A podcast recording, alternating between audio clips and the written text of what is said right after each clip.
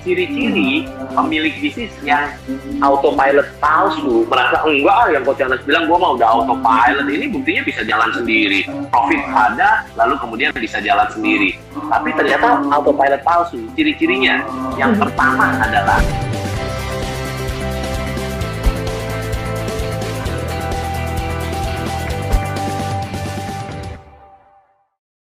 saat ini mungkin banyak gitu ya Pak pebisnis yang malah uh, terjebak dengan kesalahan yang fake autopilot lah Pak bisa dibilang begitu Pak. Sebenarnya itu ciri-cirinya pebisnis yang dia tuh nggak sadar gitu Pak kalau dia melakukan melakukan kesalahan itu. Sebenarnya dia tuh bukan melakukan bisnisnya autopilot gitu Pak, tapi dia masih tetap yang tadi Bapak bilang yang uh, energinya dia masih tetap kepake, waktunya dia masih yeah. tetap kepake dan bahkan yeah. mungkin gitu ya Pak, duitnya pun sebenarnya tanpa dia sadari dia masih terus uh, dipakai gitu Pak untuk menjalankan bisnisnya. Iya, iya, uh, betul. Nah, itu. Nah, itu gimana tuh Pak? Ciri-cirinya itu nah, seperti apa sih Pak sebenarnya kalau yang memang mengindikasikan oh lu tuh salah sebenarnya uh, yeah. out of pilot lu tuh salah. Itu gimana Pak? Iya, jadi gampangnya kan ada tiga macam entrepreneurs lah ya. Entrepreneurs yang ternyata masih terjebak, bisnisnya belum autopilot, ya kan? Ada entrepreneurs yang merasa bisnisnya sudah autopilot, tapi padahal ini fake autopilot atau autopilot palsu. Lalu ada lagi yang benar-benar entrepreneur sejati.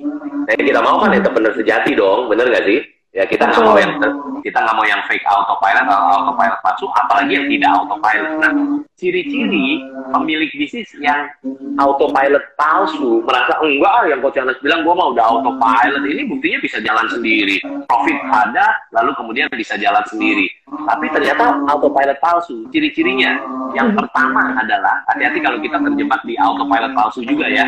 Apalagi kalau kita belum autopilot, nah, belum autopilot jelas lah. Semuanya masih anda kerja dua shift sehari gitu kan ya. Pagi sampai sore kerja di bisnis pulang masih harus buka laptop lagi balesin semua komunikasi gitu kan ya. Sabtu minggu masih harus curi-curi kerja lagi nggak punya waktu buat keluarga. Ya itu malah nggak autopilot namanya gitu. Tapi yang fake autopilot autopilot palsu syarat yang pertama adalah uh, ciri-ciri yang pertama adalah uh, masih masih ter apa masih lean on specific specific person jadi masih mengandalkan beberapa orang saja.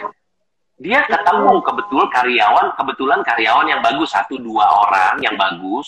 Lalu kemudian tanpa bikin sistem, tanpa ngapa-ngapain, itu bisnis bisa jalan karena dua tiga orang ini, gitu kan? Nah kan itu bahaya. Kenapa? Karena orang ini bisa aja dia pindah kerja atau dia nikah atau dia gimana atau dia baik-baik saja tapi dipanggil Tuhan duluan kan bisa aja bener nggak Anissa? Ya bisnisnya berarti goyang dong kaki mejanya kalau kalau orang itu pergi. Iya. Nah makanya kita harus bikin sistem. Kita harus bikin yang namanya KPIM, Key Performance Indicator and Monitoring. Kita itu rapotnya karyawan gitu ya. Kita harus bikin succession plan ya, rencana untuk untuk suksesi sehingga kalau ini hilang atau ini pergi apa yang terjadi, siapa yang naik dan sebagainya dan sebagainya. Nah itu ciri yang pertama. Jadi hati-hati kalau bisnis kita terlalu mengandalkan orang doang, tapi kita nggak punya sistem ternyata.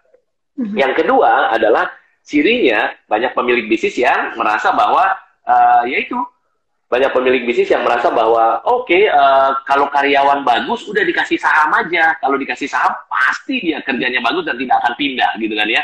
Belum tentu karena saham sama ownership belum tentu berbanding lurus gitu kan. Jadi kita harus tahu gimana gimana bikin kesamaan dream mimpinya apa, mimpinya Anda apa, mimpinya orang itu apa, lihat value-value karakternya gitu kan. Seperti itu sehingga akhirnya bisnis Anda bisa benar-benar partnership dengan baik. Yang ketiga, mhm. cirinya kenapa masih autopilot palsu adalah ada kapten kedua. Jadi artinya uh, kapten kan di satu kapal kan cuma boleh satu, ya nggak sih? Mana ada ada ada dua kapten, ada ada dua kapten nggak bisa. Nah, apa contohnya dua kapten? Contohnya misalnya orang-orang yang dipercaya itu jadi kapten kedua. Anda masih jadi kapten, tapi Anda bilang, ah udah ada kapten ini, gue mundur lah. Tapi kapten ini nilainya salah, cara cara cara pembawaannya salah, culture-nya salah, gitu kan ya. Uh, beda hmm. banget. Jadi akhirnya isinya orang-orang dia, orang-orang lama. Mau masukin orang baru karena mau inovasi, mau terus growing, eh mentah lagi orang baru. Kenapa? Karena ini ngegeng banget tanda kutip gitu kan. Culture-nya udah culture yang nggak bagus lah gitu. Nah, hati-hati hmm. kalau ada kapten kedua.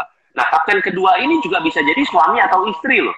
Nah, hati-hati juga. Kalau di bisnis itu suami atau istri, ya dong. harus jelas siapa yeah, iya. kaptennya. Di, di kapal bisnis ini siapa kaptennya? Uh, kalau nggak autopilot palsu nanti gitu kan ya. Autopilot palsunya. Karena suaminya mau jalan-jalan istrinya suruh nungguin bisnis. Istrinya mau jalan-jalan suaminya nungguin bisnis. Lah kan nggak bisa dong jalan-jalan sama satu keluarga. Itu namanya bukan autopilot gitu. Itu ciri-cirinya. Kira-kira tiga yang paling sering saya temukan. Ya oke jadi ya. jangan sampai terjebak di tiga ciri tadi itu ya pak kalau ya, pun ya. terjebak gitu pak itu kita harus apa tuh pak maksudnya apa apakah kita harus uh, kayak uh, sebelumnya itu kita harus mengantisipasi lebih baiknya seperti itu nggak sih Pak? Intinya Supaya... kalau kita terjebak, intinya kalau kita hmm. belum punya bisnis autopilot atau kita terjebak di bisnis yang autopilot palsu, kita mau hmm. bisnisnya benar-benar entrepreneur sejati dan autopilot tadi, ya bangun empat kaki meja. Itu Anissa okay. jawabannya. Empat kaki meja yang tadi Coach Anas jelasin. Oke, ya. berarti jangan lupa itu empat kaki meja tadi ya Pak. Ya. Kalaupun memang tersadar nih mungkin setelah nonton ini tersadar gitu oh ternyata ya ada di fake autopilot gitu ya pak iya iya jangan yeah. lupa tadi yang empat kaki meja tadi Harus gitu ya dibangun. pak betul Anissa mm -mm.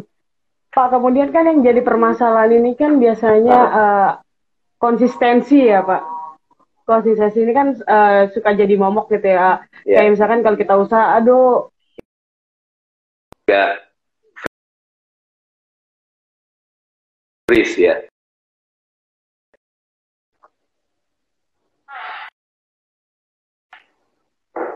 Ya, Arisa gimana? Boleh ulangin pertanyaannya?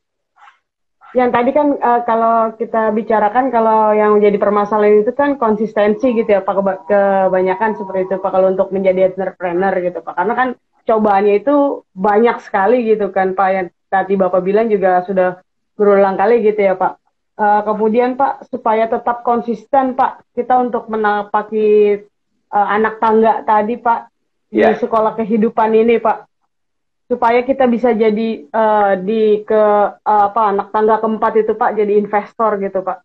Itu gimana yeah. sih Pak? Iya, yeah. sebelum jadi investor jadi entrepreneur sejati dulu lah ya. Karena kan kita perlu cash hmm. flow, hmm. kita perlu cash masuk gitu ya. Nah, gimana jadi yeah, entrepreneur betul. sejati gitu kan supaya konsisten? Jawaban saya simple, Anissa. Saya cuma mau bagiin salah satu definisi dari entrepreneur. Jadi kalau Anda pemilik bisnis atau Anda belum punya bisnis, mau jadi pemilik bisnis, mau jadi entrepreneur, perhatikan ini. Kalimat ini betul-betul membuat semangat saya, membuat saya konsisten untuk bisa jadi entrepreneur sejati gitu ya. Kalimatnya mhm. terdiri dari dua bagian doang. Simple banget dua bagian ya. Bahasa Indonesia-nya kira-kira bilang begini. Seorang entrepreneur adalah, bagian pertama nih, seorang entrepreneur adalah orang yang mau hidupnya bertahun-tahun seperti kebanyakan orang tidak mau. Perhatikan bagian pertama. Jadi seorang hmm. entrepreneur adalah orang yang mau bertahun-tahun hidupnya seperti kebanyakan orang tidak mau. Siapa sih orang yang mau hidupnya pagi sampai sore, malam masih harus kerja lagi, orang belum bangun dia udah bangun, orang udah tidur dia belum tidur, Sabtu Minggu dia harus bayar harga bangun bisnisnya gitu ya banyak orang nggak mau. Tapi untungnya kalimat ini ada bagian kedua, koma. Tapi sepanjang hidupnya kemudian bisa hidup seperti kebanyakan orang tidak bisa. Loh, kenapa kok bagian kedua ini semangat banget? Iya, dia akhirnya kalau bangun bisnisnya empat kaki meja jadi bisa profitable autopilot akhirnya dia bisa punya kehidupan yang kebanyakan orang tidak bisa. Coba bayangin bisa jalan-jalan ke Eropa lima minggu sama seluruh keluarganya tapi bisnisnya terus masih jalan terus profitable. Pulang ke sini lalu kemudian balik lagi bisa jalan-jalan ke Amerika lagi ya kan? Tiga minggu empat minggu lalu balik lagi bisnisnya bisa jalan dengan baik. Nah asik kan kalau kayak gitu kan? Benar nggak Anissa? Betul. Jadi jadi defini kalau Anda pengen konsisten, kalau Anda pengen konsisten, jawabannya simpel. Ingat definisi hmm. entrepreneurs, yaitu seorang entrepreneur adalah orang yang mau hidup bertahun-tahun dalam hidupnya seperti kebanyakan orang tidak mau. Tetapi sepanjang hidupnya, kalau dia bangun bisnisnya empat kaki meja ya, profitable hmm. autopilot ya, sepanjang hidupnya bisa hidup seperti kebanyakan orang tidak bisa. Nah, itu yang bikin saya semangat dan bikin jadi konsisten untuk bangun bisnis jadi entrepreneur sejati.